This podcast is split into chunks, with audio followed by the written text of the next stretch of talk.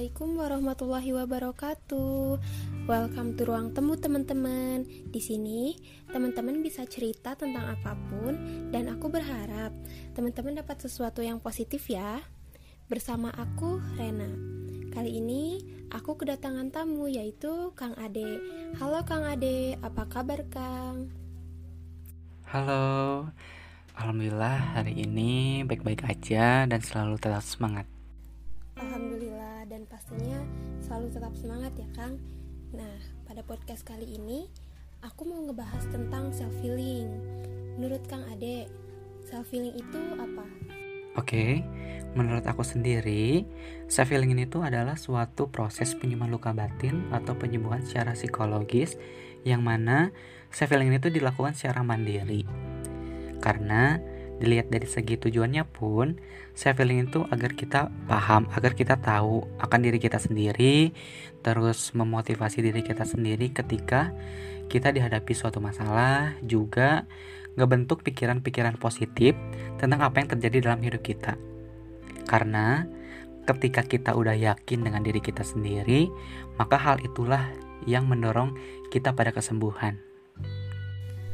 Oke, Self healing itu merupakan proses penyembuhan luka batin, memotivasi diri sendiri ketika dihadapi dengan suatu masalah.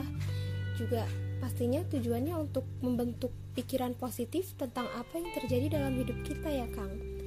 Nah, menurut Akang, apa sih faktor atau penyebab yang bisa bikin seseorang itu melakukan self healing?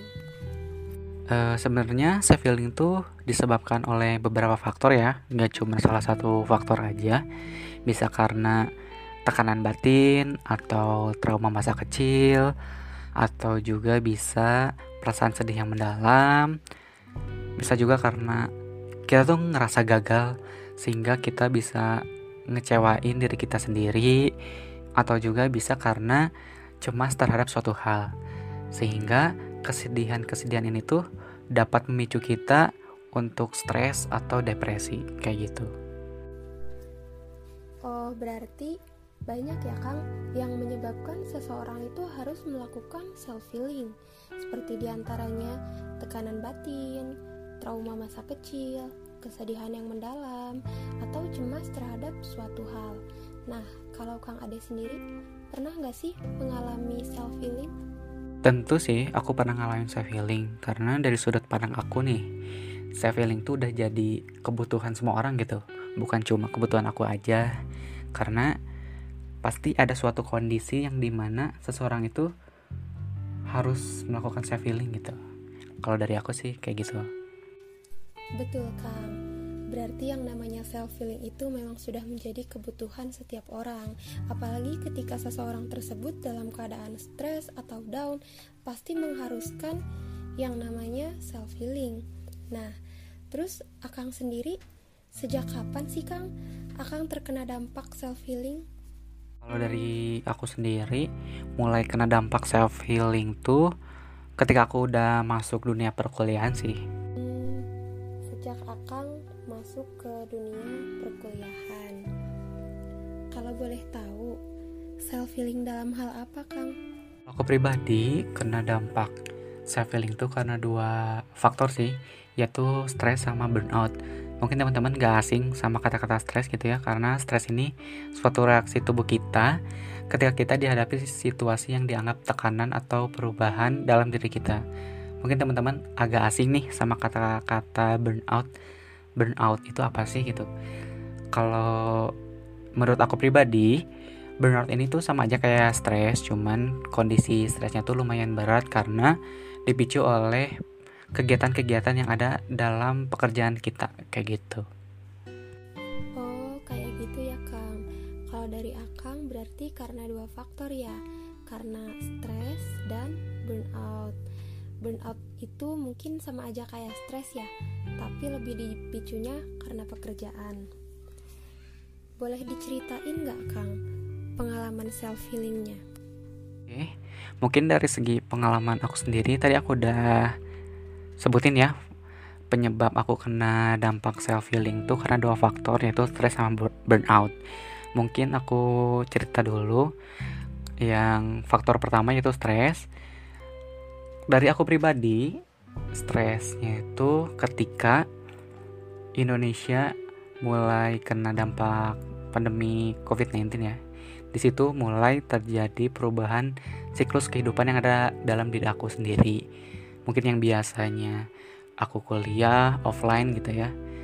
Uh, terus main bareng teman-teman ke mana gitu. Tapi saat itu tuh semuanya kegiatan-kegiatan itu dilakukan secara online gitu. Jadi akunya masih dalam tahap penyesuaian lah ya. Nah mungkin di awal-awal itu biasa aja aku jalanin, aku nikmatin. Tapi ke sini ke sini tuh kayak aku tuh ngerasa bosen. Aku tuh kayak ngerasa kok gini-gini aja gitu kehidupan aku tuh kayak cuman makan, minum, rebahan, kuliah, terus rapat-rapat tapi kayak aku nggak dapet feel nih, nggak ada dapat feel hidup gitu. Aku mulai cerita sama diri aku sendiri gitu ya. Kenapa sih aku gini-gini aja nggak ada perubahan? Nah setelah proses yang begitu cukup lama akhirnya aku nemuin solusi nih. Solusi dari aku sendiri itu aku uh, off semua media sosial. Mulai dari WA mulai dari Instagram dan lain-lain lah gitu ya media sosial pokoknya. Mungkin teman-teman aku juga pada tahu uh, aku sering matiin media sosial pada saat itu.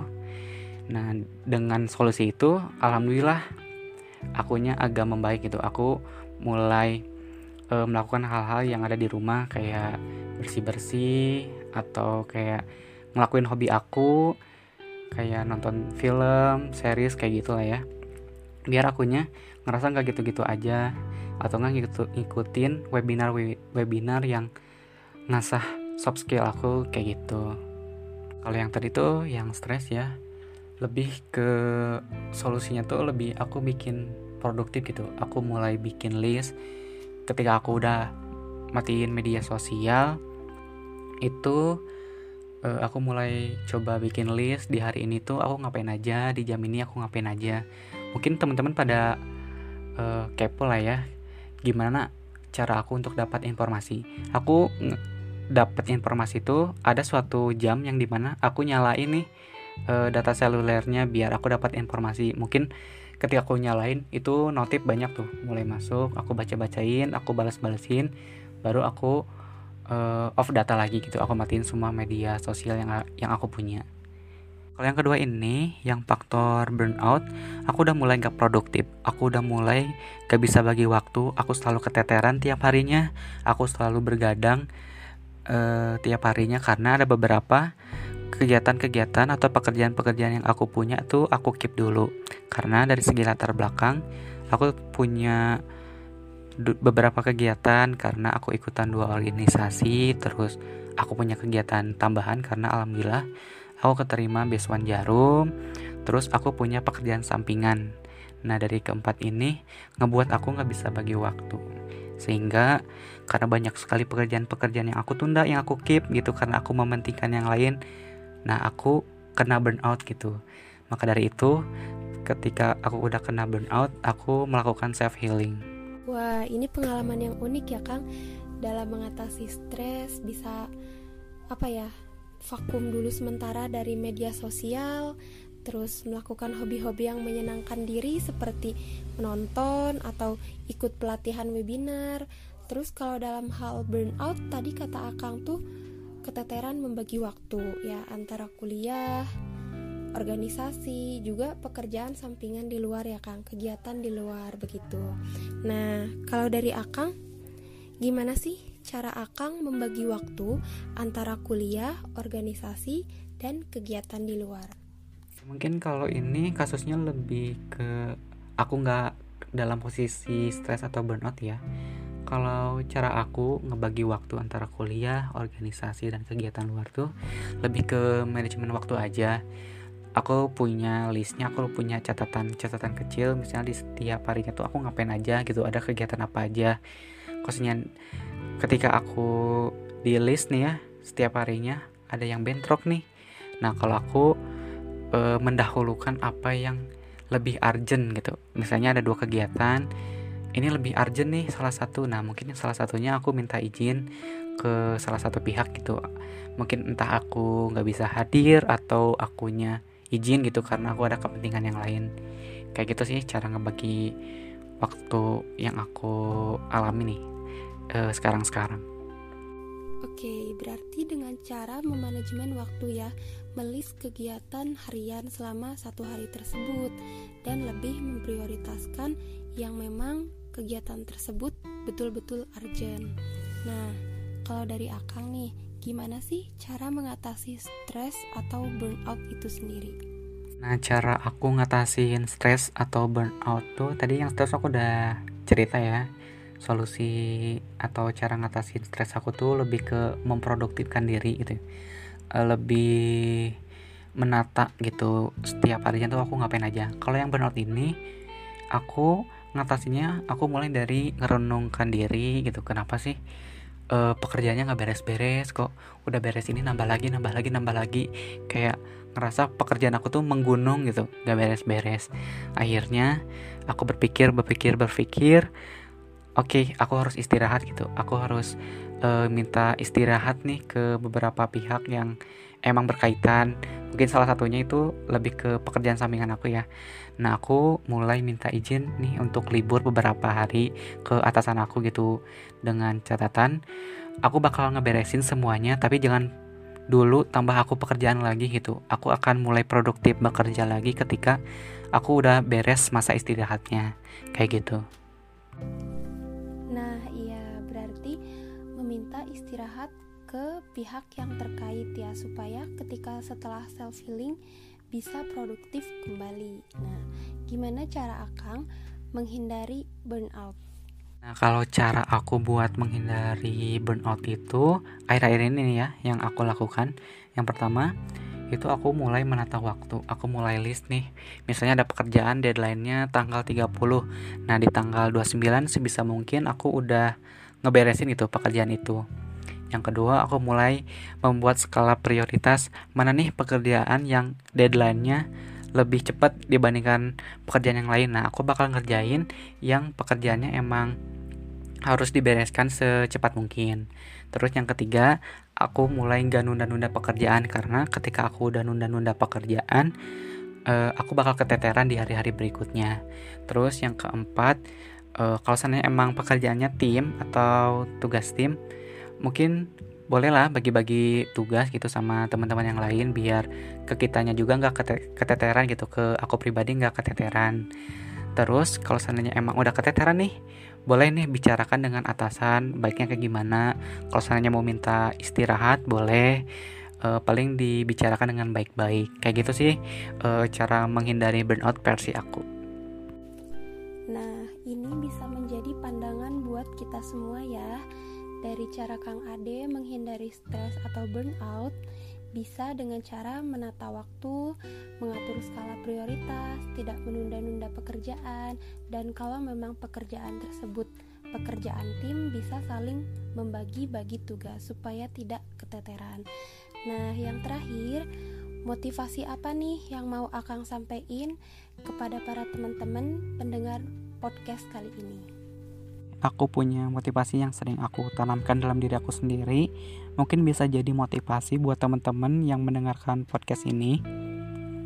Motivasinya itu janganlah kamu khawatir janganlah kamu risau dengan apa yang kamu punya jangan pernah kamu merasa kamu yang paling berbeda dengan yang lainnya kamu dalam peringkat yang paling rendah dengan yang lainnya karena sejatinya setiap orang memiliki perannya masing-masing. Setiap orang memiliki tujuan hidupnya masing-masing. Tanamkan dalam diri kamu bahwa kamu memiliki peran yang sangat penting dalam kehidupan ini. Kamu memiliki tujuan hidup yang sangat berguna bagi diri kamu sendiri dan juga orang lain. Terima kasih. Baik, Kang. Luar biasa sekali nih motivasinya. Semoga podcast bertemakan self healing kali ini bermanfaat bagi kita semua para pendengar di sini. Terima kasih juga kepada Kang Ade yang telah menyempatkan waktunya untuk berbagi pengalaman, berbagi cerita, menyampaikan motivasi juga kepada teman-teman pendengar.